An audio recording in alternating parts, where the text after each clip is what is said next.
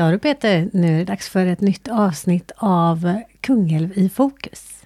Ja Maria, det är, det är lite extra kul idag för den här gästen har ju jag faktiskt träffat en gång. Två gånger va? Ja, två gånger. Mm. Ja, två gånger är det faktiskt. Men i samma sammanhang. Jajamän. Det är alltså våran vigselförrättare vi har här idag. Mm. Men jag är helt säker på att det inte bara viga folk hon gör. Nej, en himla massa andra strängar på sin lyra har hon. Japp. Och det är alltså Mona-Britt Gillerstedt vi har med oss här idag. Välkommen hit. Tackar. Berätta lite, vem är du för de som inte känner till dig? Vilket jag tror att många Kungälvsbor gör, men i alla fall. Ja, det skulle vara de gamla Kungälvsborna då som känner till mig. För jag är ju Kungälvsbo sedan fyra generationer tillbaka. Och eh, uppväxt på något som kallades för Glasbruksgården. För vi hade ju glasbruk i Kungälv i över hundra år. Så jag växte upp där tillsammans med min mamma och pappa. Och en massa andra barn som var på gården och hade kul. Och sen så gick jag på realskolan. Jag bestämde mig för att jag ville vara, bli sjuksköterska. Och eh, så utbildade jag mig till det. Sen åkte jag till, efter ett år på intensivvårdsavdelning, så åkte jag till Amazonas, Peru och jobbade på Albert Schweitzers Hospital in Amazonico i flera år. Hur, hur kommer man på den idén? Eh, Jag såg ett radioprogram när jag var 17, eller tv-program, när jag var 17 år. Och då visade de det här sjukhuset. Och jag blev så begeistrad i det så jag bestämde mig för att dit ska jag åka när jag är färdig. Så jag tog kontakt med doktor Binder som han hette som var chefsläkare där och det dröjde ett år innan jag fick svar. Och då var det ju det här att de vill att man ska vara utbildad och det var jag ju inte då. Men jag hade ju tankar på att bli det.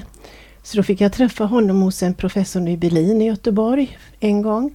Och sen tog det något år fick jag träffa honom och hans fru där igen. För de ville inte anställa någon som de aldrig hade träffat. Så på något vis blev jag väl godkänd där då. mm. Och när ungefär i tiden är detta? Det är, åt, det är som jag säger nu, 69 till 71. 71, ja 72 var hemma igen då. Mm. Och då var du hur gammal sa du? Jag fyllde 25 när jag var där 25. ute. Mm. För det kommer jag ihåg, det var väldigt speciellt. Det känns som att nu för tiden är det ju ganska många som är ute och reser mycket och så, men var det det då? Nej, det var det inte. Och eh, när man reste så var det, ju- hade, man hade ju ingen kontakt eh, telefonmässigt med dem i Sverige. Det var ju brev som gällde och sen så jag läste ju inte en svensk tidning annat än det de skickade ner med urklipp. Jag vet att det var Stormen i Fontin skickade mamma ner när den var då och sen så det var det man fick där och det var så ingen kontakt. Så jag pratade inte svenska på två, lite drygt två år då. Gjorde jag inte. Det var, när jag kom ner till sjukhuset så eh, visade det sig att de förväntade sig att jag skulle ta hand om en avdelning med kvinnor och flickor. Det var väl en 30-tal. Plus eh, män som hade malaria. Också. Och då hade de byggt upp liksom en nästan en altan, eller man ska säga utanför och sen låg de där och sen hade de små vita tält som de satte upp på kvällarna för moskitos. Så, när man skulle ge dem dropp fick man krypa vid, vid, mellan tälten om sätta upp det i, på en träpinne. Så. Det gick bra det också. och sen var det ju så att eh, de här flickorna som jag skulle jobba med då, som var under mig, man säger undersköterskor kan man kalla dem, ja, då, sjukvårdsbiträden då. De talar bara spanska. Jag kunde inte ett ord spanska. Sköterskorna på sjukhuset var, talade flesta tyska. Och, eh, så det var arbetsspråket. Och eh, läkarna talade engelska. Så det var en liten kamp där mellan mig och alla dessa språk till att börja med. Så man fick använda papper och penna och kroppen. Och visa och rita. Så, det. så efter två veckor så stod man där och fick ta hand om det. På något vis så gick det.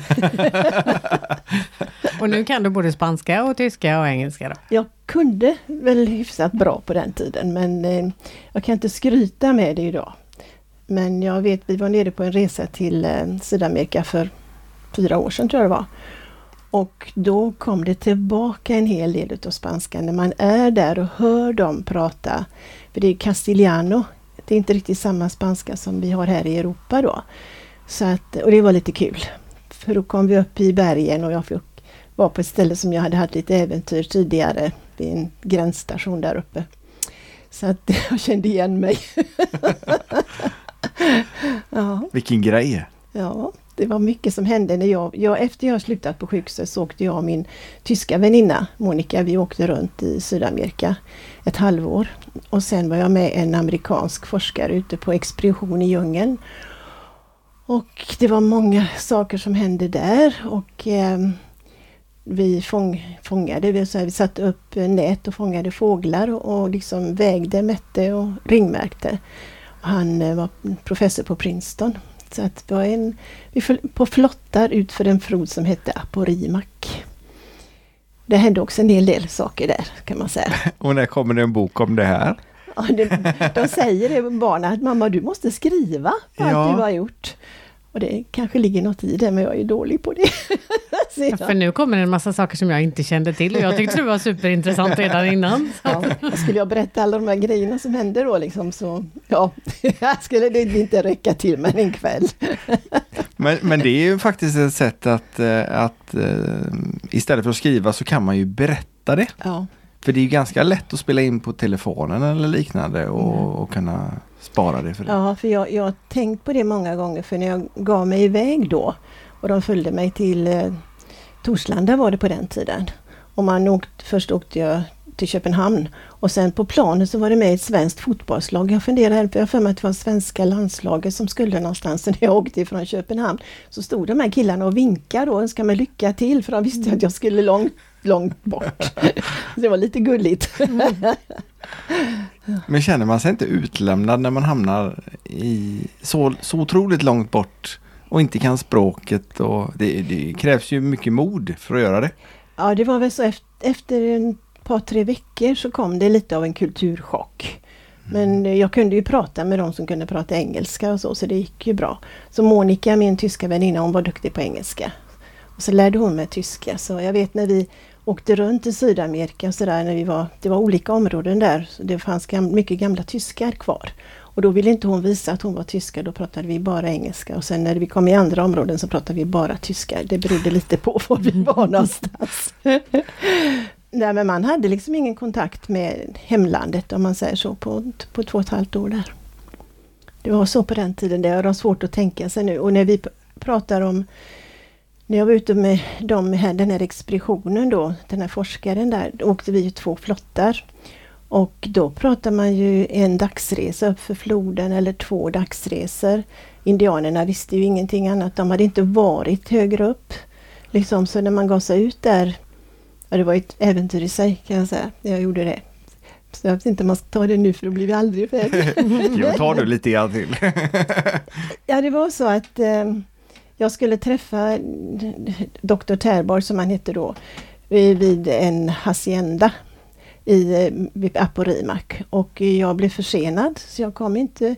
Så jag fick åka över Anderna, det var en som hjälpte mig, jag fick åka på en, med en lastbil över, på natten över.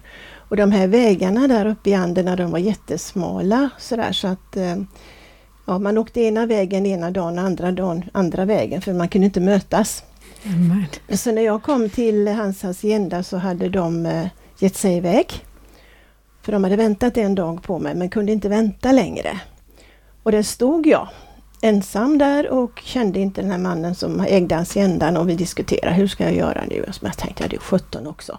Jag kommer så här långt så ska jag resten också.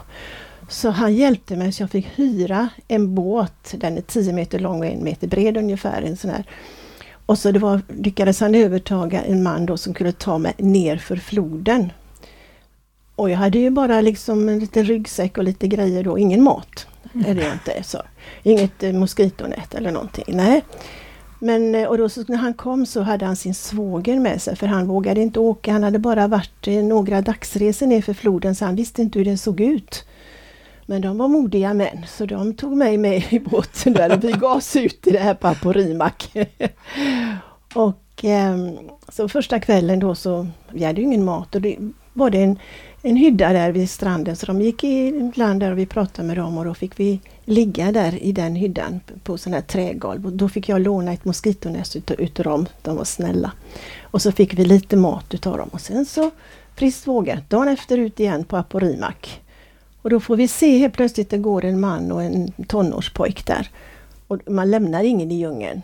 Det gör man inte utan vi gick in vid kanten och eh, då fick de följa med. Så då hade jag ju fyra gubbar om man säger så i båten och så jag då va. och så åkte vi nerför och sen kom vi till en väldigt skarp krök på floden och, och där stannade vi för där låg det en eh, kampaby, kampaindianer. Och då gick vi eh, i land där och frågade om de hade sett några, några åka förbi och det hade de inte gjort. Och det var konstigt för vi visste ju, vi var ju på floden, vi hade inte sett någon annan flod.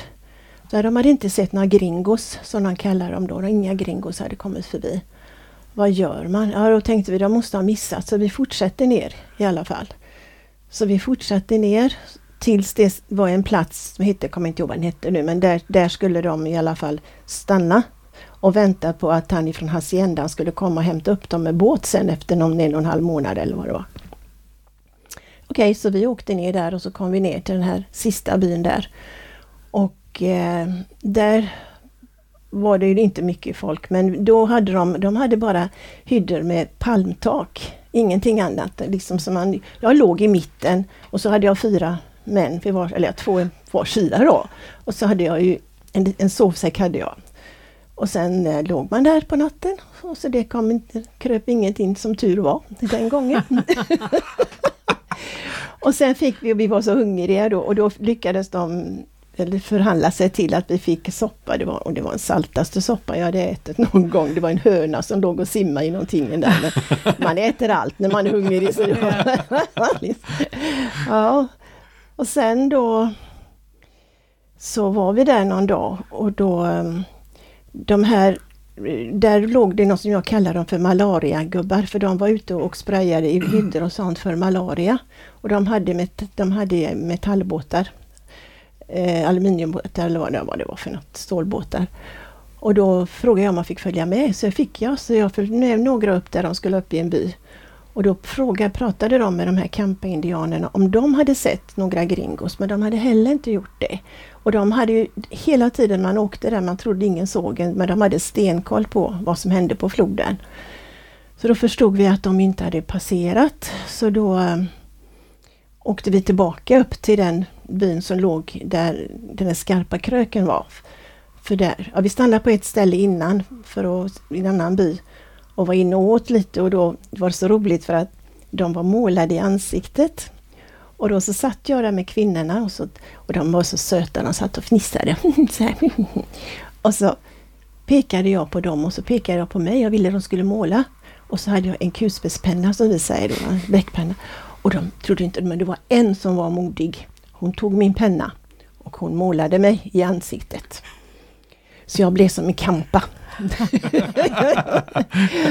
Sen fortsatte vi upp för floden till den här byn då, som var lite större by.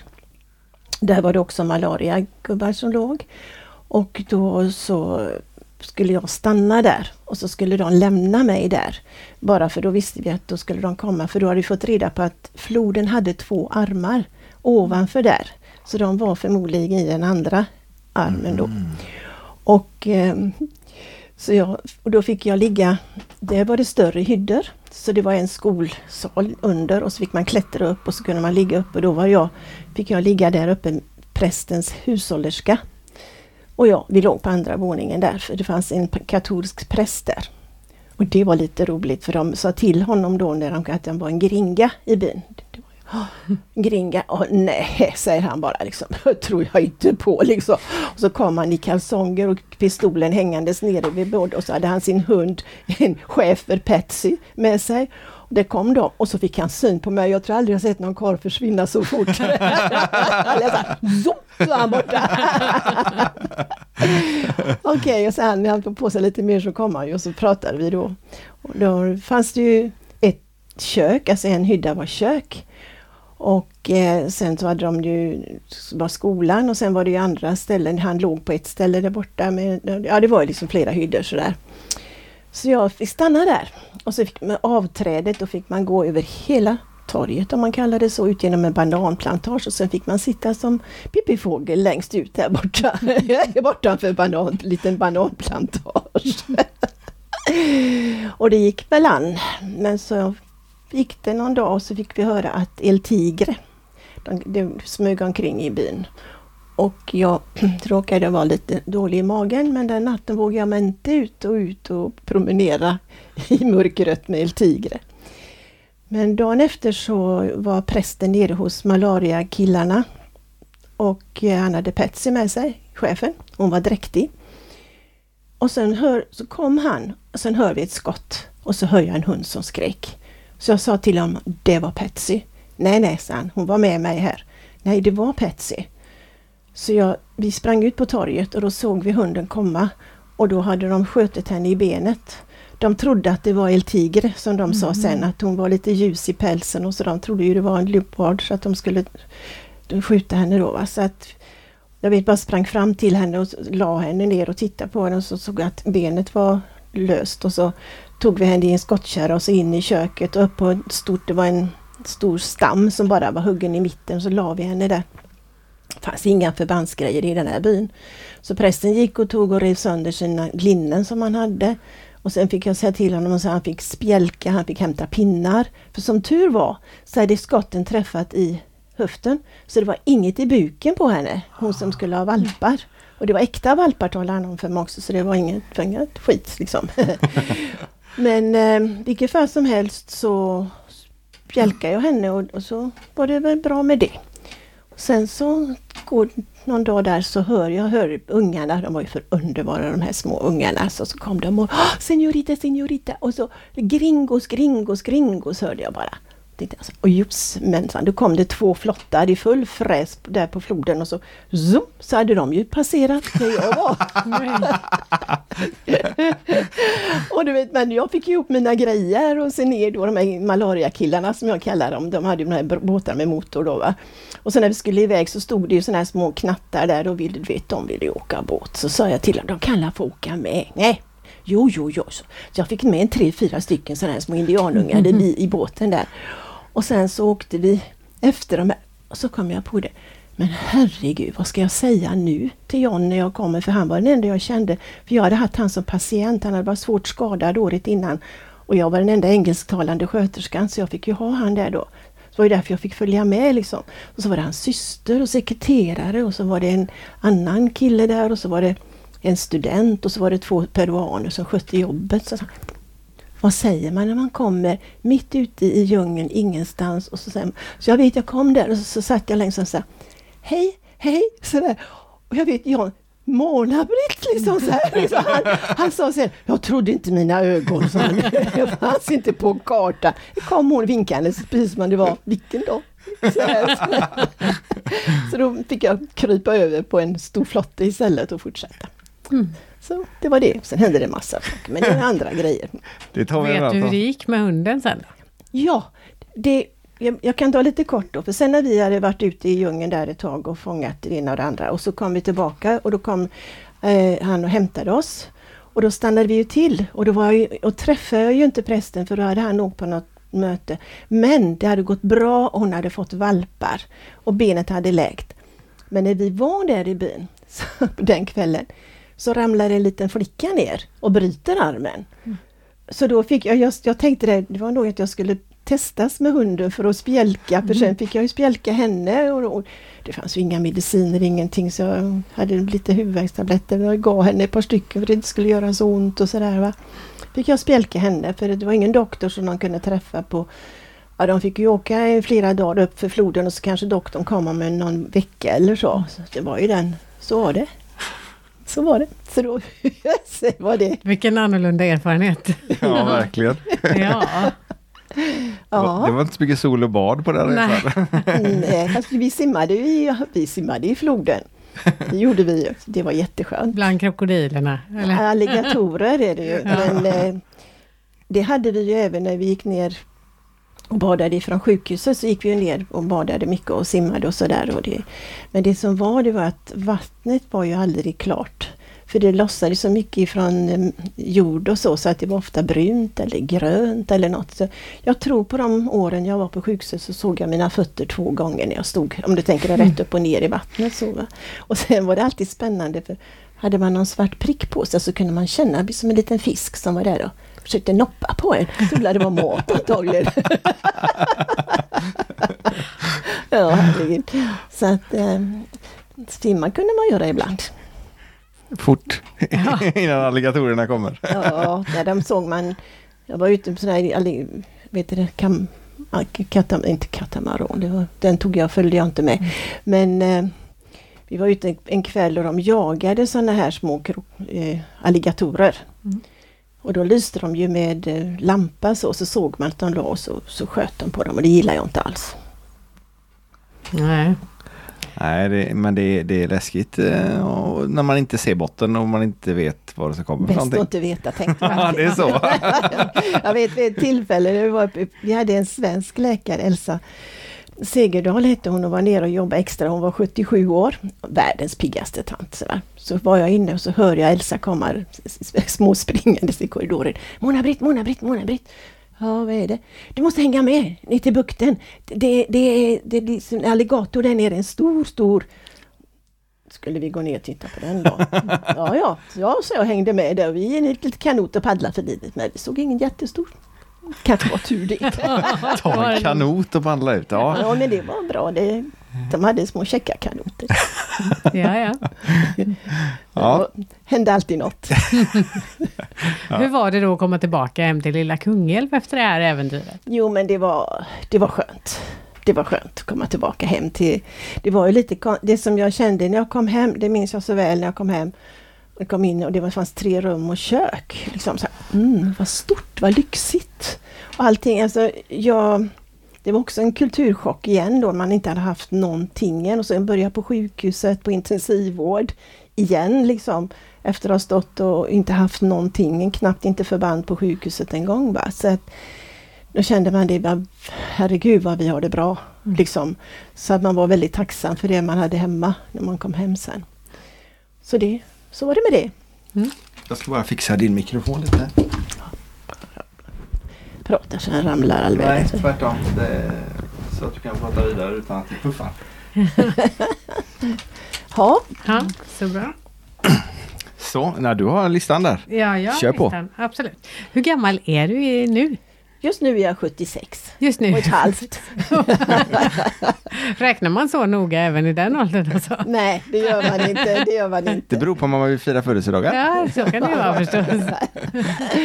ja. Och du har varit med om så mycket mer kan jag tänka mig efter du kom hem också. Bara av de sakerna som jag vet om så gör du en himla massa saker. Det jag fick skrivit upp då, mm. det är att du håller på med politik. Ja. Du är nämndeman vigselförrättare och du har haft fosterbarn. Ja, det är de saker jag känner till. Nu, politiken håller jag inte på med längre nu då, men nämndeman är jag fortfarande. Senast i måndags var jag inne. Va, va, vad är nämndeman för de som man inte är, vet? Man är lekmannadomare kan man väl säga. Så man, är, man sitter fyra stycken där, det sitter en utbildad juristdomare då och sen är vi tre nämndemän som dömer och allas röst är lika mycket värd. En röst för oss alla. Så efter man har avlyssnat allt och ska avge dom, då så, så diskuterar man igenom fallet och så säger ofta domaren liksom att så här ser jag på det och hur ser du på det, säger han till den ena och till den andra. Och så får vi säga var och en hur vi ser på det här då. Och så sammanställer man det och så avkunnar man dom därifrån. Och då kan det vara så att säga att det blir 2-2. Då är det så att den mildare domen gäller. Så att, alltså att två vill bli fängelse och två vill ge eh, vad heter det, dagsböter. Då är det dagsböter det blir. Mm. Så att, eh, men skulle det vara så att jag ensam har en avvikande uppfattning, för det händer ju ibland att man har, man tycker nej, det här vill, kan jag inte ställa upp på. Då får jag liksom säga det och så skriver de det i domen att en nämndeman hade avvikande uppfattning. Och säger då till exempel i det fallet ville jag döma till fängelse. Medan de andra då tog dagsböter. Då Men hur pass eh, behöver man kunna om lagar och sånt då? Nej, det, det, får man, det kan man inte. Det, man kan, det som man kan, det får man lära sig när man är där. Mm. Liksom för att det, det, är det som juristen är där till och så, så läser man då olika domar. Vad, vad brukar det bli så här och det är prejudicerande domar och sådär. Så att man, det är, det är folkets röst kan man säga, som man är. Förhoppningsvis med lite sunt förnuft. Så. Mm. Hur blir man nämndeman då? I, det är ofta partierna då som utser nämndemän. De, man, varje parti har ett visst antal som de ska ja, lämna då, säga vet inte hur många vi hade, 15 eller någonting sånt där. Jag tror vi var upp mot en 250 nämndemän i Göteborgs tingsrätt.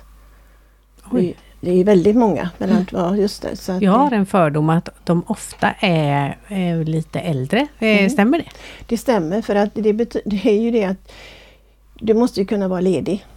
För att eh, jag skulle önska att det var fler som kunde vara yngre och vara med. Men tyvärr så har det ju med jobb och så att göra och eh, sen så man får ju då, om man är ledig från sitt arbete så får man förlorad arbetsförtjänst och sen får man 500 kronor för en hel dag i rätten. Så man blir inte rik på det. Nej. Precis. Så att är man då pensionär så har man ju sin pension. Va? Men eh, så är det och eh, sen faktiskt är att för ung ska man inte vara. Mm. För att ibland händer det saker som man ser väldigt otäcka saker och väldigt man behöver ha livserfarenhet. Och man känner det när man sitter ibland. Jag satt en gång med en ung kille, eller ja, han kanske inte så ung, men för mig var han jätteung. Han var ju bara 28-29 år. Och, jag tyckte, och vi fick ganska otrevliga bilder och sådär. Och, och sitta och titta på dem och bilda sig en uppfattning om hur det hela har gått till och sådär. Det, det är inte det enklaste. Då måste man kunna kom, koppla bort och då är det bra att ha erfarenhet, livserfarenhet helt enkelt. Vad är det som gör ett sånt eh, uppdrag intressant? Eller att det är värt det liksom? För det känns som det kan vara ganska jobbigt. Det är jobbigt men det är samtidigt intressant. Eh, jag tycker det. Och eh, de flesta som kommer in där de är ju, vad ska jag säga, de, de är ju väldigt oroliga och sådär så att eh, ja, och då har man gjort någonting riktigt galet så vet man ju vilket håll det går. Liksom, va? Men annars måste jag säga det att jag upplever nog att man kanske kan hjälpa dem också. Så att jag blir väldigt glad ibland när domare utöver när de har lämnat dom och så säger liksom lite personligt till den här personen att gör nu så här och ta nu, gör detta och lite, lite sådana saker. Så att det kan bli en tankeställare och inte, för de som inte är riktigt förhärdade. Mm. För där är det inte så lätt att för dem. Men eh, jag, jag, jag uppfattar nog att man kan hjälpa dem lite grann så. Det tror jag. Mm. Man gör en samhällstjänst. Ja. Fosterförälder har du varit också? Till flera stycken vad jag förstår. Ja, det blev några stycken tonårsgrabbar. ja. blev det. För att eh, vi flyttade ifrån en, ett hus till ett annat. Och då var det stort och då var, då höll jag, då var jag aktiv inom socialtjänsten så de kände ju mig ju. Och då helt plötsligt när vi precis flyttat in, hade inte packat upp, så ringer de och säger att vi har en kille här som vi måste få hjälp med. Han har ingenstans att ta vägen vi behöver fosterhem. Och då hade jag ju en man som var öppen och varm och tog emot alla också så det var ju bara liksom Vi satte oss ner och pratade med våra barn. Peter då, som var 16 år och Patrik han var lite mindre så han förstod inte så mycket och Pia var tre. Så att det var, men eh, för Peter var det viktigt att vi pratade med honom som var i känslig tonårsålder då. Men han, han kände till den här pojken och han sa Mamma han är jättesnäll, det är helt okej, okay. jag vet vem han är. Så på så vis kom den första. Sen blir det efterhand den ena efter den andra. det var praktiskt med, jag tyckte det var praktiskt med tonårsgrabbar för ja, du hade liksom, vi hade på, två äldre pojkar då, så, så, att det fanns ju cyklar och mopeder och grejer i garaget. Och pojkarna var ärliga och raka. Liksom, rakt fram, kör i väggen ungefär. Och det, det var mycket lättare, det var inget manipulativt med dem. Jag hörde från andra som hade flickor, nu ska man inte dra alla över en kam va. Men eh, jag var nog glad att jag hade pojkar kan jag säga. med de problemen som var så liksom. Va? Hands on. Mm. Det är annars ganska ovanligt tänker jag och vilja ta emot tonårspojkar kanske inte är det man liksom direkt tänker att ja, det gör vi. Det verkar ju enkelt. Ja, nej men, det, de, nej, men det, och sen hade vi hundar också. Och jag vet ju när, när, de, när de kom, liksom de här barnen, vi hade ju stora hundar. Collie första och sen hade vi leonberger och liksom man såg ju liksom hur de knöt an till djuren. Om de inte kunde göra något hade de ju dem liksom. Va?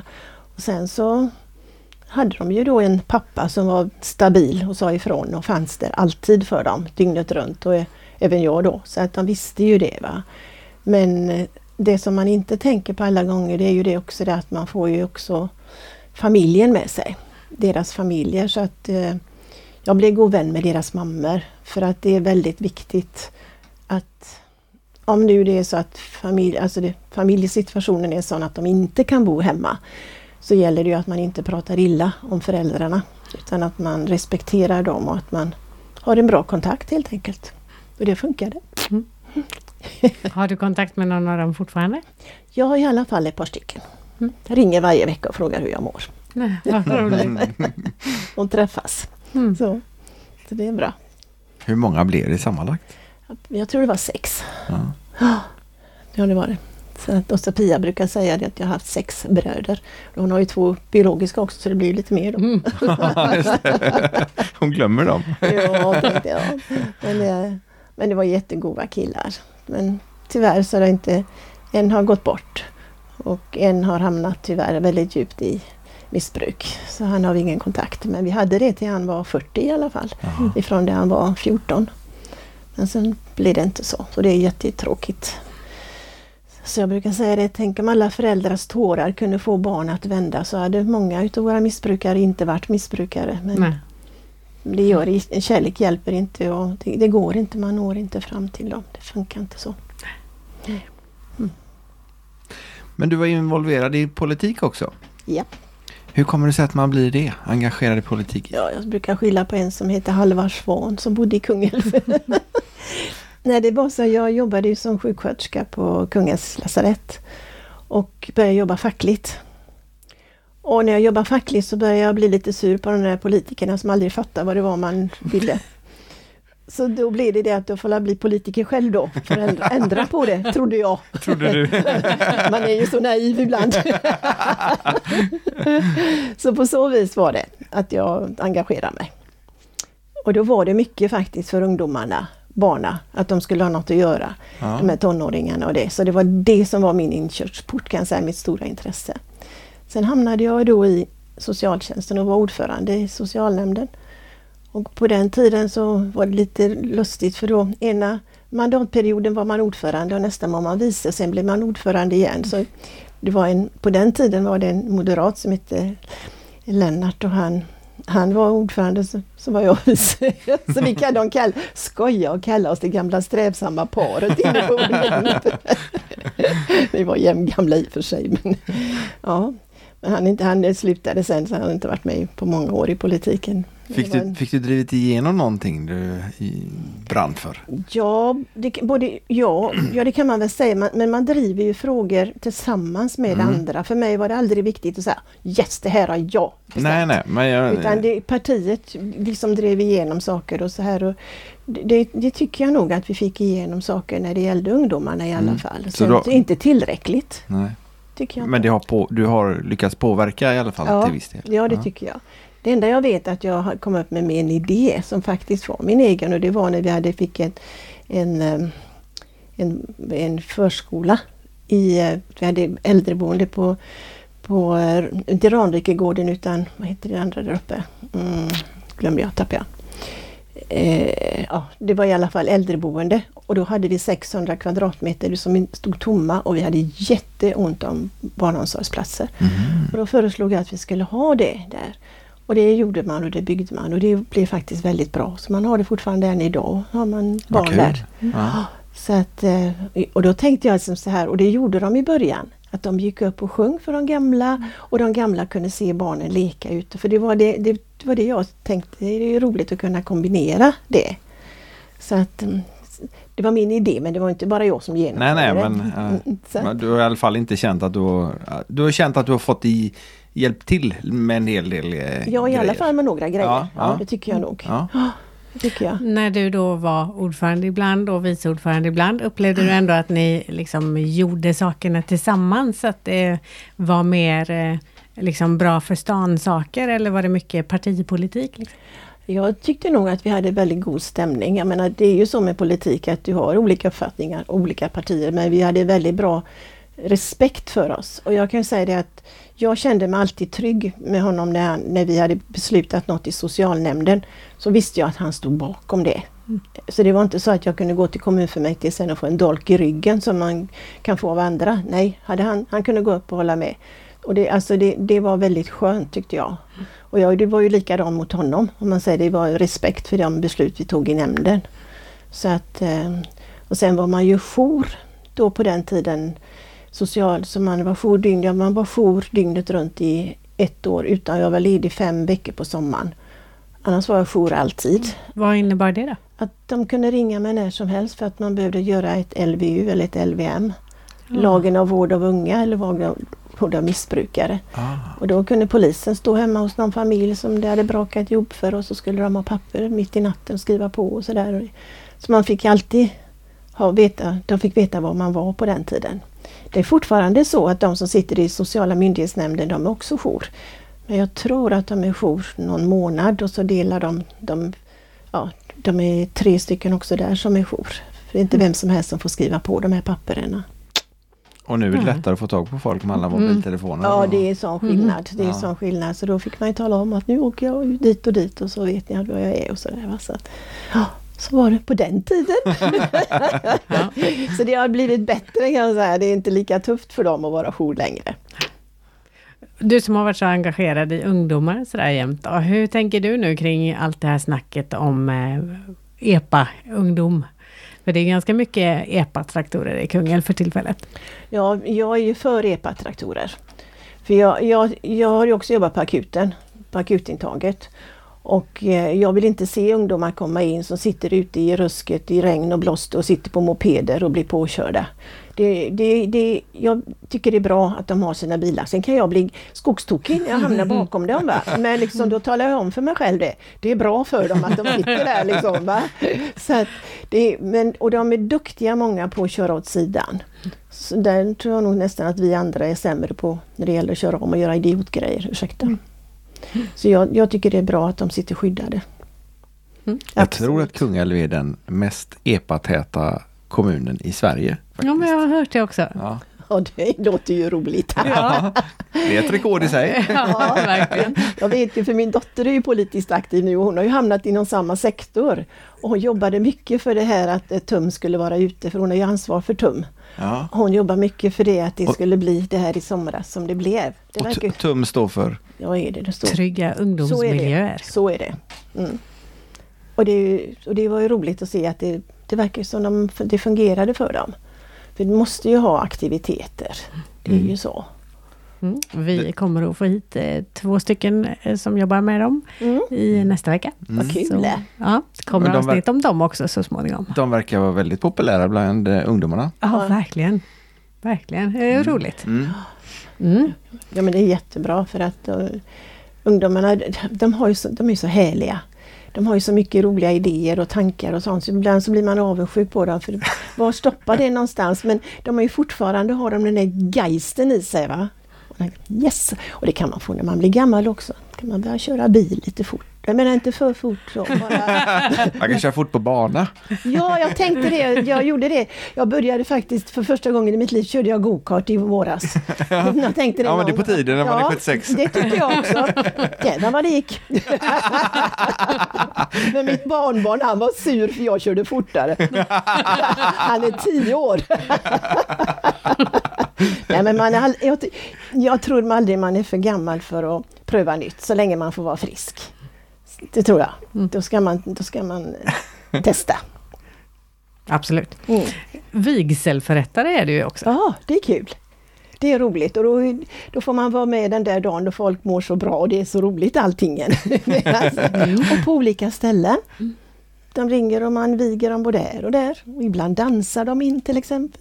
Så kan det också det vara. ja, det var ju... ja. Jag misstänkte det, ja. att det var så syftade på. ja, det var jättefint var det. Det var verkligen fint. Vad kul att se. Så kan det vara ute på klipporna och sen kan det vara i någon båt någonstans. Och, ja, på olika ställen. Verkligen.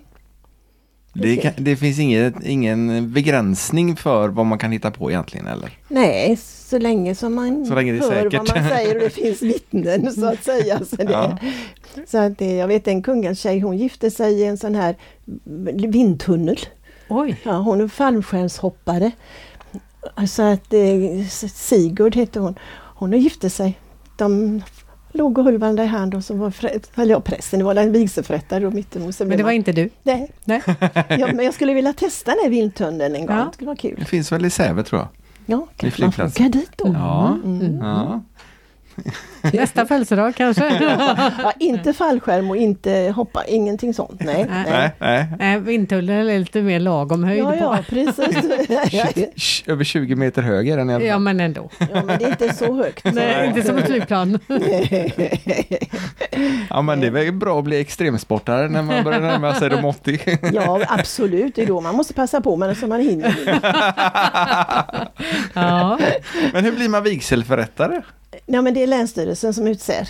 Man, det är också likadant partierna, men man, vi har också tjänstemän som är vigselförrättare. Då får man avlägga ett ganska enkelt prov och så, och så blir man det. sen. Ett prov för Ja, att bli enkelt, ja. Vad innebär det? Vad, Det har med lagar att göra lite grann och sådär. Ja, och sen är det viktigt att man kollar upp papper när de kommer och identitet och sådär så inte det kommer fel.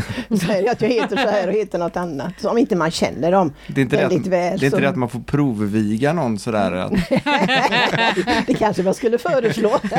ja man kan ju bli nervös eller någonting Ja. och behöva träna in ett agerande. ja. Jag har alltid tänkt så här, vad gör jag den dagen det står någon och säger nej?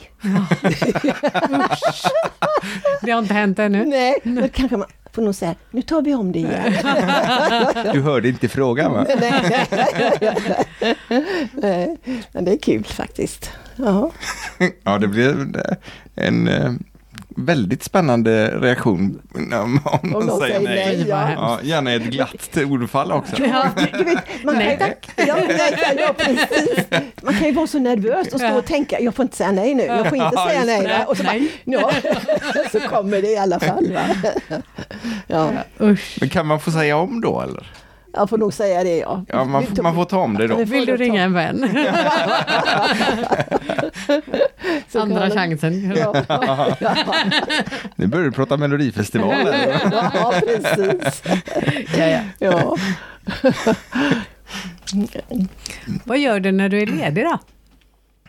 Kan börja med, är du ledig någonting? Ja, det låter knappt så i och för sig. Jo, nej, men jag, jag, jo då, jag, jag har ju stort hus och jag har trädgård och lite att pyssla med så. Och sen jag är vice ordförande i PRO Kungälv. Måste ju hålla mig lite i förening, det går ju inte annat.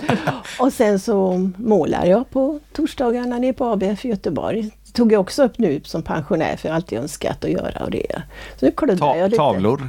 Ja, för Ja. mig själv, akvarell. Ja. Och sådär. Och det, är bara för, det gör man ju bara för sig själv. Liksom sitter där och slappnar av och det är jätteroligt. Är det. Så sen har jag varit med och sjungit lite också men det gör jag inte längre nu då. Nej, det är covid. Mm. Men så är jag studieorganisatör också i PRO också så att det håller igång lite cirklar där. Eller sagt, det är- det är våra cirkelledare som håller igång det. De är jätteduktiga. Så vi har en 11 cirklar eller någonting på gång. Lite olika. Hur har PRO påverkats av eh, pandemin då? Vi har inte kunnat haft några möten. Vi har, styrelsen har träffats och suttit med långa avstånd i stort rum och sådär. eh, Men vi ska ha nu faktiskt imorgon första gången på, i Folkets park under tak. Alla tar med sig fika så kommer den dit och spelar. Hagalennart kommer och spelar för oss. Så får vi träffas i alla fall. Och så ett möte till i höst.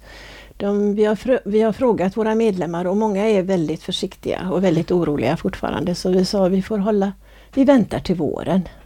Och folk är ju på oss om dansen. När börjar dansen? Mm. Och den vill vi ju ha igång, men säkert. Mm. Så är det ju. Mm. Ja.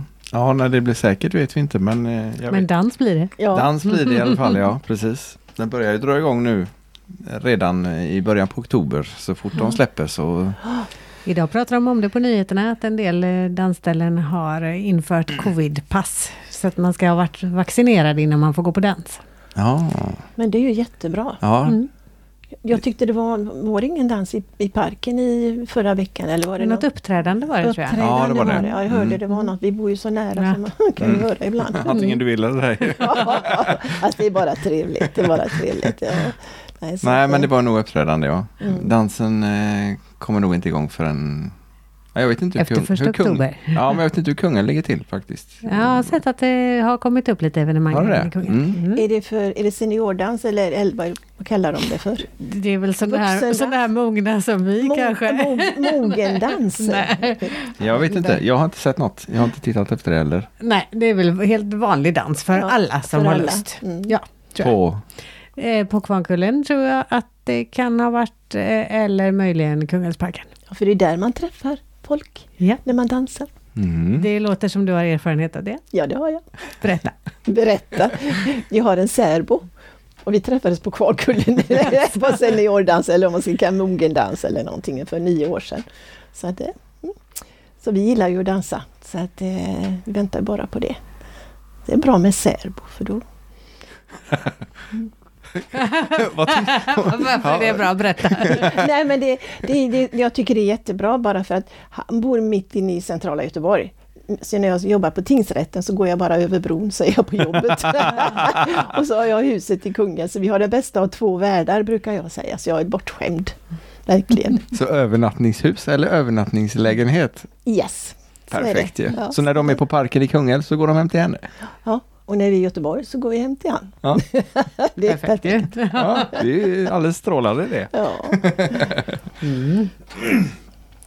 Jag har skrivit två, eller några stycken sådana här tre snabba frågor. Tre då följaktligen. ehm, och då är det ju liksom, eh, ja men eh, man måste Frå- välja helt enkelt. Jaha. Och man Du- får lov att utvidga svaren också. Ja. Oj då. Det är ingen stress. Nej, jag Nej, ska inte. verkligen inte. Det är bara frågorna som är snabba, inte svaren kanske. Jag är inte säker att frågorna blir det heller. Eh, I alla fall. Bröllop eller tingsrätt? Bröllop. Mm. Känner dig nästan tvingad att svara det va? Nej, jag tycker, det, jag tycker det, är så, det är så härligt att se folk. De är så lyckliga och så. Det andra är lite mindre roligt ibland. Ja, jag, jag tror jag kan gissa svaret på den nästa, men du får den ändå. Egentid eller sociala sammanhang? Sociala sammanhang. den kom fort. Mm. Ehm, arbete eller eh, frivilligarbete? Frivilligarbete. Hur kommer det sig? Det, det känns väldigt ovanligt idag. Ja, men jag tror det här med volontärarbete tycker jag, det tycker jag är jätteviktigt och jag önskar att vi hade mer av det i Sverige än vad vi har. För det, det, ger, alltså det ger den som utför arbetet får så mycket här och, och liksom, man gläder någon samtidigt som mår man bra själv. Liksom. Så att, eh, jag tror volontärarbete, det gillar jag. Vad räknar du till volontärarbete? Är det även i föreningar och så vidare? Ja, det är det jag tänker. För det är ju svårare och svårare att få folk att jobba gratis i föreningar eh, numera än vad det var när vi var unga för många år sedan. Många säger det när jag sitter där. Ah. Nej men det är sant, det är jättesvårt att få folk. Och jag tror de måste upptäcka detta, att det är så roligt, att det ger så mycket. Mm. Och det, pengar, är okej det är väl bra, men det kan, du kan ju ha ditt arbete och göra det och sen kan du ägna dig åt föreningsliv och, och hjälpa andra på många olika sätt. Va? Så att eh, jag tycker det är viktigt. För det är bra för själen, för Mm. hälsan också för den delen. Mm, och hjälpa andra, det är något som jag tror att du har gjort jättemycket under alla år. Jag vet att du har hjälpt mig massor i alla fall, så jag är så tacksam för det. ja, men du var ju så liten när jag lärde känna dig. Vill du berätta om det? Nej men det är så många saker så det går nästan inte faktiskt. Ja, men du, du, du får ta några då, för det kanske är fler än, än jag vet. Jag, jag var ju glad att eh, du sa ja när vi gifte oss. Ja, men bara en sån sak, det är ju Mona-Britts förtjänst. Ja, ja, ja, jag vet, jag vet, jag vet, jag ringde och tjatade på henne. S- Säg nu rätt fråga liksom. Nej men det är lite roligt för vi bodde ju nära varandra när, vi, när jag bodde på Komarken. Och sen kände jag ju hennes mamma och pappa. Så den dag jag tog min sjuksköterskeexamen så kom de två hem till mig och då hade de precis förlovat sig den dagen. Mm. Så, så, jag kände henne innan hon fanns till. Då har man känt varandra länge. Ja, då, då, så var det med det. Mm. Sen bodde ni alldeles ovanför i husen där uppe och så bodde vi där nere så att det var nära. Bara en backe emellan. Ja. Mm. Vi behöver inte ta mer än så i podden. Tror jag. Nej, okej. Okay. Det blir jag jättenyfiken där. Mm. Vad är det som eh, står på menyn nu då förutom eh, vad heter det? Eh, flyga i rör höll jag på att säga. jag menar det där. Ja. ja. Vad är framtidsplanerna? Ja. Nej men jag har inte så många framtidsplaner. Extremsportare tänkte jag på. Nej, jag, jag har ju en stuga i Värmland långt in i skogen. En Jaha. sommarstuga. Jag var uppe där nu och den ligger i Glava i Arvika kommun. Mm. Och det är naturvårds, naturreservat så att vi har åtta kilometer till närmsta granne och inget ljus och ingen vatten. Vi får bära vatten in och vi får elda i brasan och har eh, gasolkylskåp och gasolspis och sådär. Va? Det är ett underbart ställe. Och det har funnits där sedan 1600-talet. Det är den första gången det är nämnt i rullorna, berättar en, en författare som var där och pratade med oss. Och eh, där är det både björn och lo och varg och men vi ser dem aldrig. Vi sa det jag och min svägerska när vi var där. Vi vet att de är här och man ser spillring efter de här. Men man, ibland ser man björntassar på vissa ställen men man, man ser ingen björn. Som tur är, jag. jag vill inte möta björnen där, nej. Säger hon som badar med alligatorer. Mm. Ja, men det, ja, ja. Björnar syns mer. Ja, de, ja, de, de springer fortare kanske? Ja, men de ser dåligt. Så de brukar säga det att om björnen kommer och den får syn på dig liksom, och den blir nyfiken så ska man vara väldigt stilla. Och helst ska man spela du och jag brukar skoja så här, det är ingen fara, jag svimmar. så jag kommer nog ligga där och se död ut. ja, det är så vackert där uppe och så stilla. Så tyst måste det vara. Ja, det är helt tyst. Och jag var borta vid ett litet kärn och bara satt där på en, en, en, en, en, en, en sten och så satt jag och tittade på en larv som kröp. Och så kom det en myra och så sitter man bara där och det var tyst, tyst. Och glor på en larv. Jag tänkte vad bra jag har det. så det är jättehärligt att vara där uppe. Så det gillar mina barn också. Ja. Mina söner, de älskar och Pia också. De, de gillar det här stället. De, det är en kontrast mot eh, ja, vardagen. Ja, fast de, de är naturmänniskor. Mm. Pojkarna och deras familjer, verkligen. Så att de gillar att vara ute i naturen och hålla på klättra och skärmflyga och greja. Förstår inte vad de har fått det Jag tänkte ju säga äpplet faller inte långt från träet. Nej, det är deras, det är deras eh, sporter. Är det något mer du har hållit på med under alla år än de här sakerna som jag tog upp? Nej, inte. Du dansat lite square dance har jag gjort en gång i tiden också. Folkdans har jag dansat ganska mycket. Var folk, Kungahälla folkdanslag mm. var jag med. Så var nere i Tyskland och dansade på den tiden. Och det är spelat... nästan ett danspensionsavsnitt där också. Ja. Spelade trumpet i skolorkestern när jag, på den ja. tiden jag gick i skolan. det visste du inte om? Nej, det visste jag inte. Du som har spelat trumpet? Ja. ja. Ja, det vet jag att du gjorde. Mm. Mm. Pia spelar också trumpet. Mm. Nu har hennes son börjat spela saxofon. Mm. Precis. Mm. Att, Spelar du fortfarande trumpet? Nej, du vet man får inte ljud i den på det sättet. Mm. Vi läpparna, kan prova det sen. Så ja, vi... ja, ljud får jag. Men du vet läpparna, så man, fick, man gick ju med det här munstycket i fickan. Gjorde man och blåste hela tiden liksom för att läpparna måste ju hållas i, i form. liksom, va? Så är det. Så att, nej men det är väl det jag har gjort. Jag har inte gjort så mycket annat. Nej, det är ju inte så mycket. Nej, som alla, som alla andra. det är väl det jag har gjort, ja. Men utav, du var inte politiskt aktiv nu, men du är fortfarande vigselförrättare. Mm. Ja, och, och nämndeman. nämndeman. Mm, det, man kan inte släppa helt. Vet du det är roliga grejer. Ordförande PRO? Nej, vice ordförande. Vice ord, ah, förlåt, förlåt. Inte ordförande. Nej. Okay. Inte i år. Nej, det, nej, vi har en jättebra ordförande. Ja, ja, okay. ja, så ja. Jag stöttar gärna honom, men inte vara ordförande själv. Nej. Nej. nej. Jag har varit för mycket ordförande. så, ja, nej. Det. Så vi kan väl bara tipsa att eh, om det är någon som vill eh, gifta sig så är det bara att höra av sig till Mona-Britt. Ja, men hur gör man det förresten? Kommunen har mitt telefonnummer. Så Mm. då, de, de har en lista där som de... Så då ringer man direkt till den man vill ha som Ja, för det är olika. En del vill kanske ha den och en annan vill ha den och sådär. Så att det, ja, det är kul. Det är roligt ibland. Jag minns ett par, jag kanske inte kan säga det när det kanske inte är bra, nej jag vet inte. Det, var så, det var jätteroligt. Jag var vittne på ett pars bröllop när vi var unga. Och sen så levde de upp i många år och så gick de isär och så gick det några år till och sådär, sen kom de tillsammans igen. Så jag vigde, vigde om dem på den dagen de skulle varit gifta i 50 år. Om Oj. de hade varit gifta hela tiden. Det tyckte jag var roligt. Ja, Då visste inte deras barn om att de gjorde detta. Så det var lite kul.